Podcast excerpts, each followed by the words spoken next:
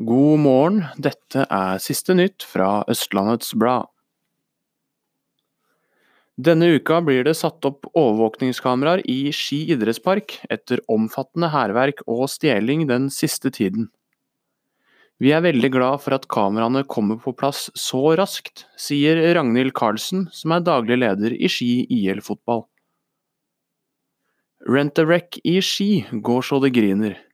Hittil har daglig leder Marianne Lundsten klart seg alene, men nå må hun snart ansette flere folk for å håndtere etterspørselen. Og i sommer kan du fort få besøk av den kenyanske adventisten Mose Kefa Onchari på døra. Han reiser rundt i Follo på mopeden sin for å selge bøker for Norsk Bokforlag. Les mer om han på øb.no.